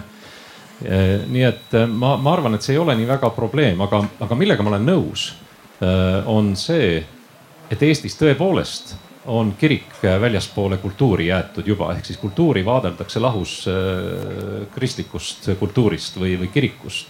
ja, ja selle illustreerimiseks üks, üks näide Eesti kultuuri arengukavas äh, puudub igasugune viide religioonile või kirikule. Äh, spordi arengukava on kusjuures eraldi, ehk siis tegelikult kuigi meil ei ole, kuigi meil ei ole riigisporti, nagu meil ei ole ka riigikirikut, siis riik suhtub sporti hoopis teistmoodi kui, kui religiooni. samas minu meelest on sport ja religioon väga sarnased tegemist on vabatahtlikkuse alusel toimuvate asjadega, on see rahvasport või tippsport ja, ja, ja inimene saab ise valida või mitte valida, aga, aga siin on erikohtlemine spordi osas. aga kultuuri arengukavas ei ole kirikut nimetatud isegi mitte kontserdi korraldamiste, korraldamise kohaga. ja kui seda sai küsitud ühelt kultuuriministrilt, kelle nimi oli Urve Tiidus eelmise peapiiskopi ajal siis ta vastas, et härra peapiiskop, aga kirik on nii loomulik asi, et see on meie kultuuris igal pool olemas. millele peapiiskop küll vastas, et, et kahjuks mitte riigieelarves. et, äh, et niimoodi on küll tõesti, me millegipärast on Eestis juhtunud, et äh, kirik ei ole kultuuri osa, vähemalt sellises institutsionaalses mõttes Äh, või, või korraldatult kultuuri mõttes. ta on nagu midagi eraldi nähtus, millega väga ei tegeleta. Äh, kuigi neutraalne riik võiks tegeleda nii spordi kui, kui, kui usuteemadega. aitäh kui ma tohin ja. korraks kommenteerida, lihtsalt ma tahtsin öelda seda, et ega ma ei näe seda probleemina, et inimesed äh, ei, ei käi seal, et neil puuduvad teadmised religiooni kohta või ega, ega see, seda ei pea üldse nagu niiviisi iseenesest mõistetavalt võtma. aga ma tahtsin öelda seda, et, et kui, kui me nüüd räägime sellisest institutsionaalsest äh, kultuurivälisusest, siis tegelikult ma tahtsin viidata sellele, et, et selline lahutatus äh, iseloomustab neid päris inimesi, kes meie ümber on ja kes niiviisi tegelikult ka mõtlevad. ja nüüd mul oli üks väga arukas mõte, mida ma tahtsin lisada, aga mis kadus ära, võib-olla hiljem tuleb Anneli. mul on jah üks selline küsimus, ähm, et, ähm, et Jaani kirikus näiteks käib äh, aastas leeris umbes sada inimest. võib ju mõelda, et, et see ei ole väga suur arv, aga samas ta on ikkagi arvestatav. et äh, see on täitsa korralik arv ja neid kogudusi on teisigi Eestis, kus käib rohkem, niisama palju või isegi rohkem. ja, ja ja nad tulevad sinna täiesti siiralt, keegi neid ei sunni, meil ei ole mitte mingisugust sundust ei ole kellelgi ja osad tulevad tõesti selleks, et saada laulatatud. osad tahavad saada ristivanemaks, osad tahavad saada maetud, osad tahavad selleks, et noh, see asi ka ära teha ähm,. milleks iganes. ja, ja nad tulevad ja neid õpetatakse süsteemipäraselt ja Jaani kirikus nad teevad väga korraliku leeritesti ja väga muretsevad selle pärast, et see ilusti ära teha ma võin saladuskatte all öelda, et läbi ei kuku keegi. Ähm, aga äh, ja neil on täiesti siiras soov ja tahe äh, jääda selle koguduse liikmeks, jääda seal koguduses käima saada rohkem aru ja, ja lüüa kaasa, aidata, nagu me neid õpetame, nõu ja jõuga. aga on ainult kuude küsimus, olen, olla siis nüüd äh, optimistlik realistlikult on see tegelikult ainult see leeripüha, kui ta seal kirikus on ja pärast ta ei tule Mik,. miks? sest et see tahe ja see soov on täiesti olemas. tema, temapoolne valmisolek on olemas. jah, Liina kaks tuhat viisteist äh, kirikute nõukogu poolt tellitud uuringus oli see küsimus, noh, mis esitati nendele inimestele muuhulgas, kes kuuluvad mõnda kogudusse et äh, miks te ei käi jumalateenistustel sagedamini. üks kolmandik nendest vastas, et äh, ei ole aega. no ühelt poolt jah, võib ju öelda, et küsimus on prioriteetides. aga teiselt poolt tõepoolest, et inimesed äh,, nad on kurnatud, nad on väsinud, nad on ületöötanud, nad töötavad mitme kohaga ja siis see pühapäev, mis on äh, ja ka laupäev, mis on ainukene aeg nende iseenda jaoks, et.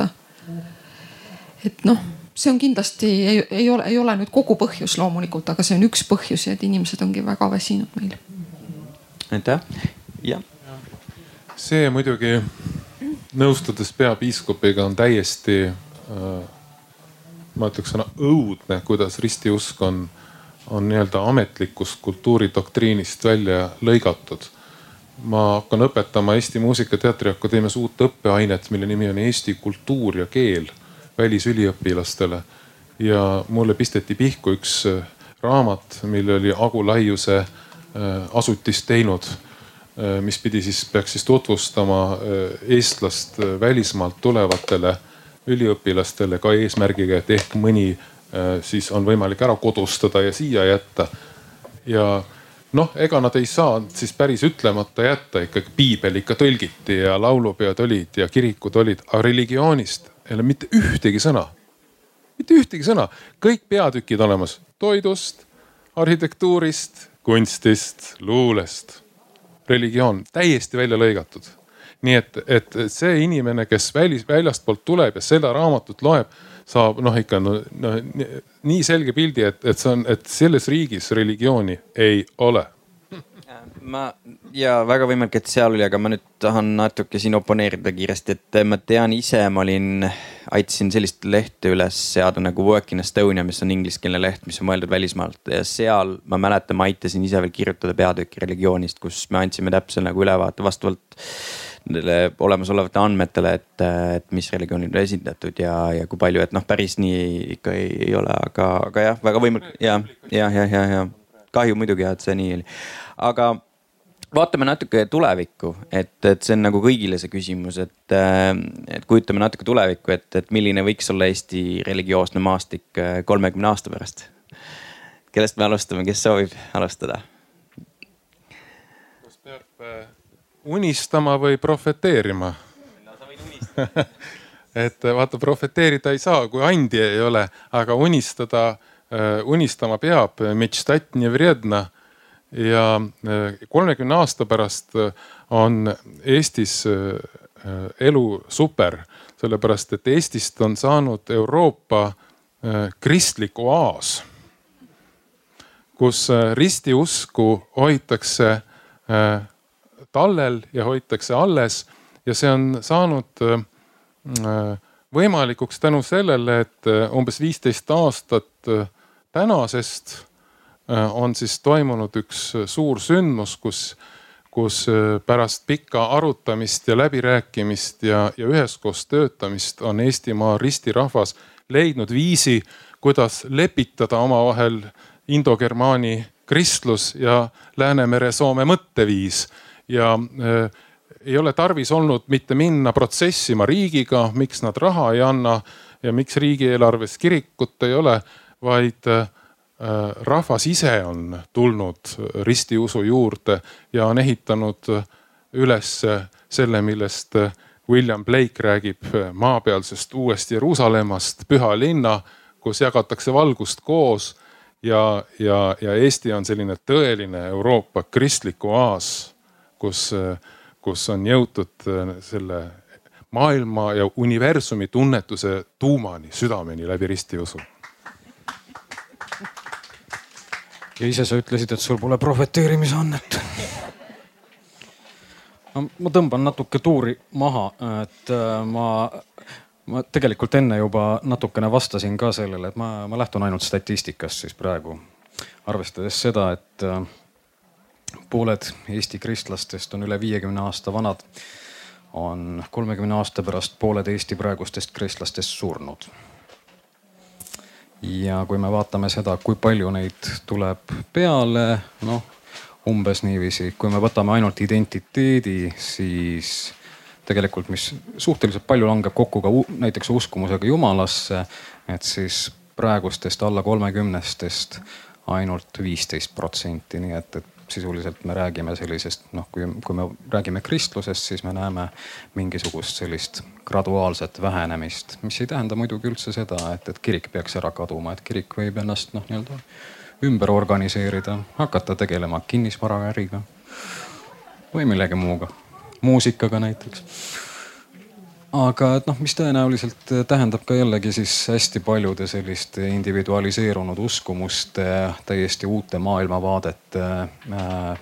levikut, kus võivad olla teispoolsuse uskumused, aga ei pruugi olla, noh kui me vaatame näiteks seda, kui palju praegu on igasugust sellist maagilis-müstilist mõtlemist igasugused need kivid ja muud sellised asjad, et, et siis see võib küllaltki suure tõenäosusega Äh, olla äh, mingisuguseks selliseks peavooluks, äh, mis, mis eelkõige rakendub vastavalt vajadusele.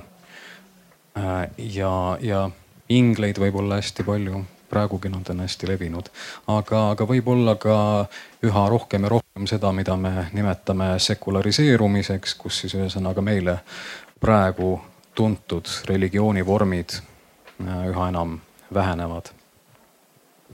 aitäh tõepoolest see, mida sina, Atko, praegu kirjeldasid, see on niisugune loogiline ja statistikast lähtuv selline äh, reaalsus võib-olla isegi. Ja see võib ka niimoodi olla, kui äh, me nagu täiesti totaalselt meelt ei päranda ja ei hakka nagu teistmoodi suhtuma nendesse inimestesse, kes meie ümber on ehk siis ei suhtu nendesse kui täitsa normaalsetesse Eesti inimestesse.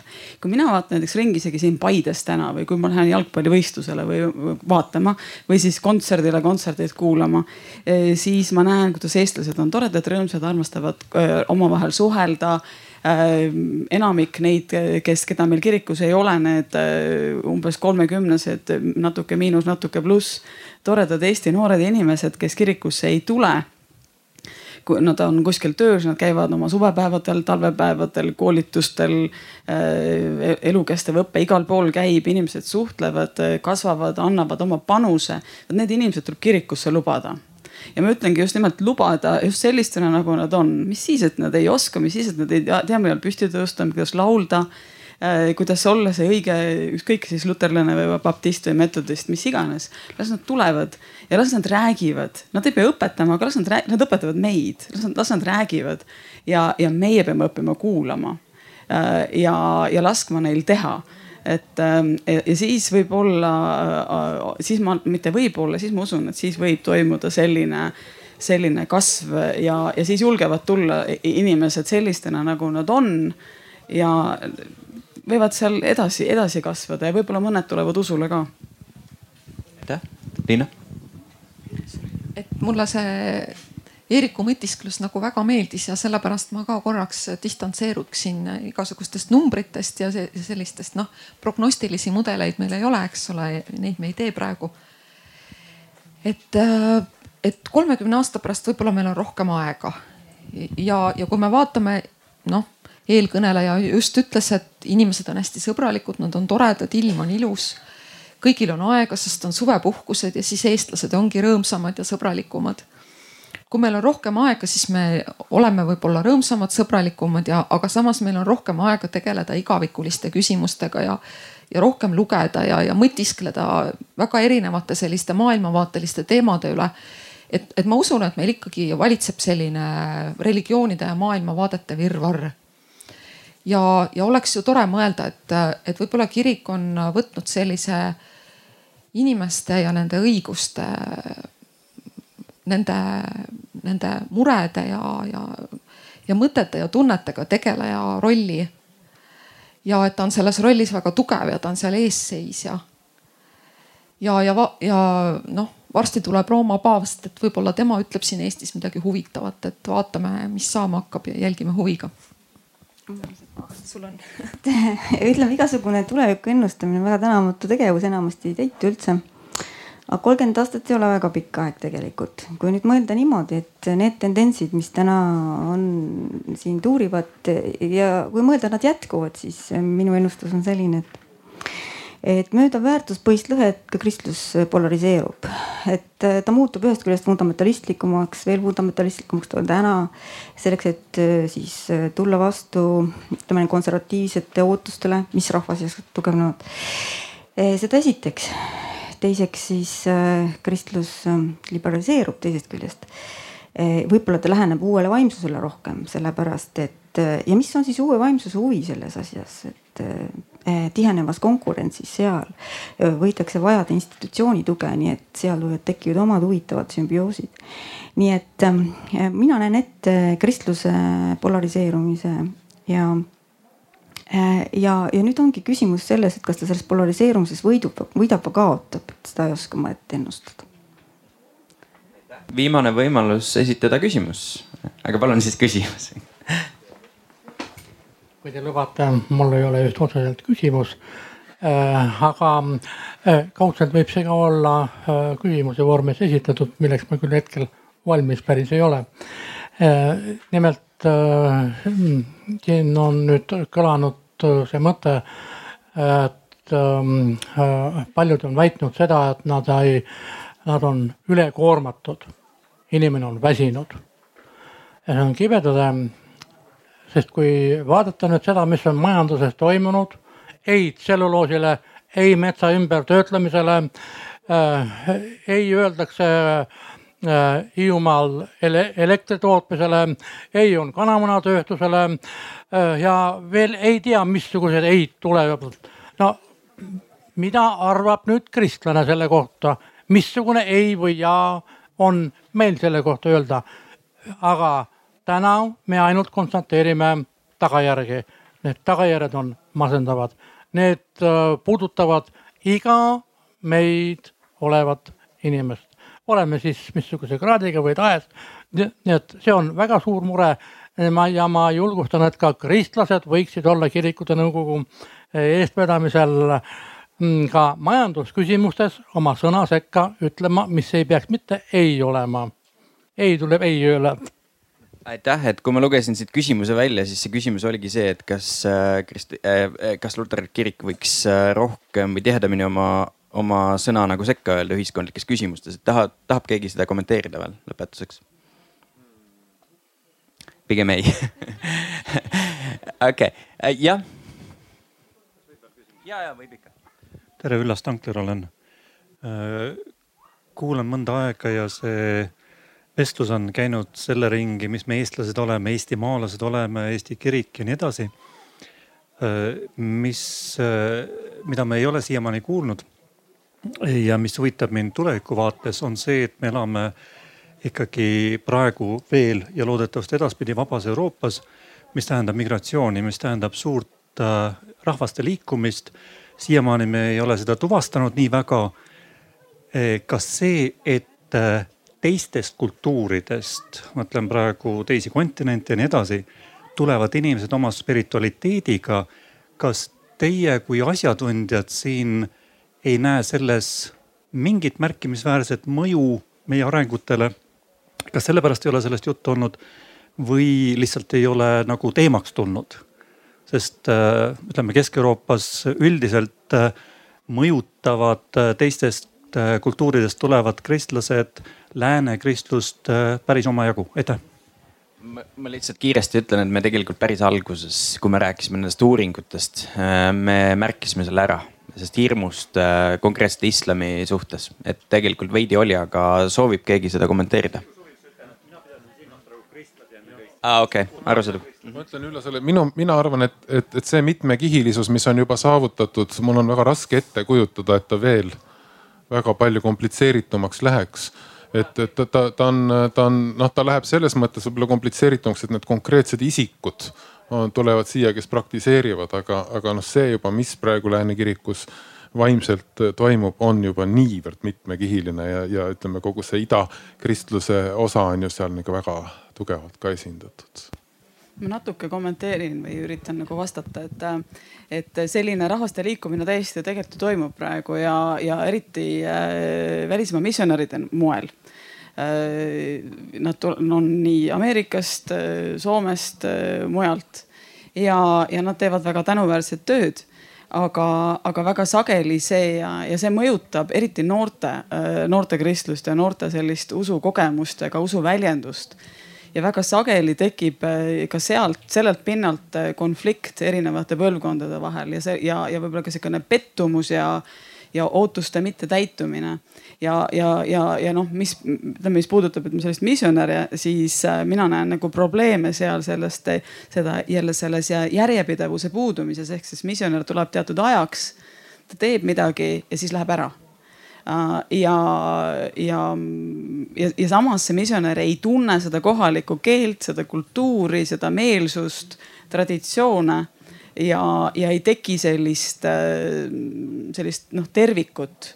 ehk siis noh otsekui, et nagu istutatakse jälle midagi uut et, ähm, et ikkagi see, seesama, see, et äh, laskem need inimesed, las nad tulevad kirikusse sellisena, nagu nad on ja, sest neil on, neil on ikkagi mingisugune pilt ja ootus sellest, sellest, äh, mis seal kirikus toimuma peab, on olemas. küsimus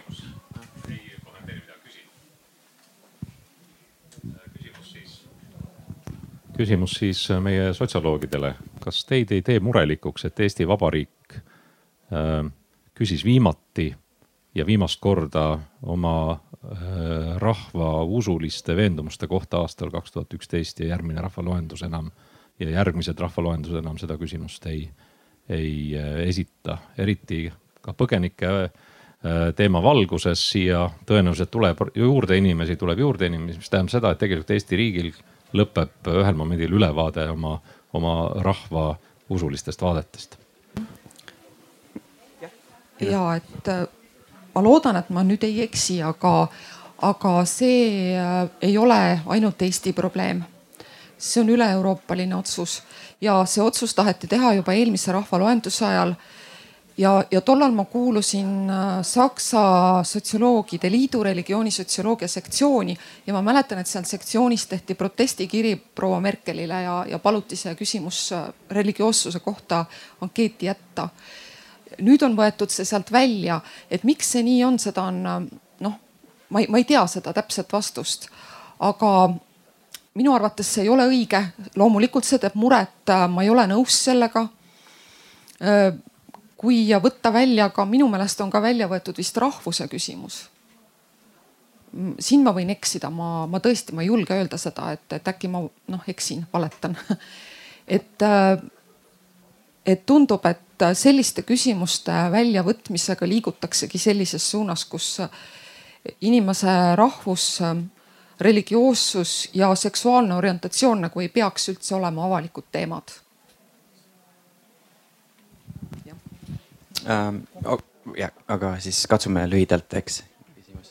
Äh, kommentaar sellele lihtsalt ähm, juba ammu Eestis, eriti just äh, Paides viimastel rahvaloendustel äh, on noh, ma ütleksin konkreetselt minu isiklikku vastust religioossetele küsimustele eiratud, seda pole nii kirja pandud, kuidas ma olen öelnud. nii et see on juba kahju ja sellega on need küsitlused juba moonutatud. aitäh. Äh, keegi soovib veel esitada küsimuse, viimane, viimane küsimus. jah, palun siis konkreetselt. Pole usklik ka midagi, niimoodi, aga tahaks teada, et miks meil on nii palju usulahke jah, et ütleme, jah, usulahk, ütleme niimoodi. aga miks sa arvad? aga mis sa arvad ise? mina, ma pole uskunud, ma ei tea, sellepärast küsingi teie käest. no eks see on ikka sa.... palju, et piibel on üks, aga kõik tõlgendavad nagu erimoodi või miks? no eks see on sellepärast ikka, et jumala maailm on väga rikas et see on sellepärast jooksevad metsas jänesed, põdrad äh, ja karud, mitte ainult mägrad ma arvan, et see, see, selle remargiga võibki lõpetada, et äh, või soovib veel keegi midagi lisada? ei si,. Äh, kes soovib midagi head lisada veel, kas midagi ilusat? mina tahaks lisada lõpetuseks optimistlikult ja positiivselt ja öelda, et lahendus on meie ees ja lahendus peab olema lihtne. kui lahendus ei ole lihtne, siis ta ei saa olla õige. võib olla keerulisi mõtteid, aga lahendus peab olema lihtne ja see on sellepärast, et Kristuse õpetus on lihtne. ta on, see on, see on lihtsamast lihtsam ja geniaalne. armasta Jumalat kogu väest ja ligimest nagu iseennast. rohkemat ei ole vaja aitäh, kas keegi soovib veel